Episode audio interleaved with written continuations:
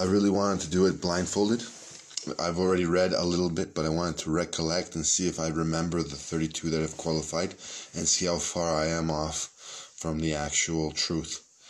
Uh, I've read a little bit, but I'm trying to remember, you know, trying to eat those peanuts and see can I still remember the top 32 that qualified in that year? That's a very challenging aspect. I think a lot of people should try it. Have a good day.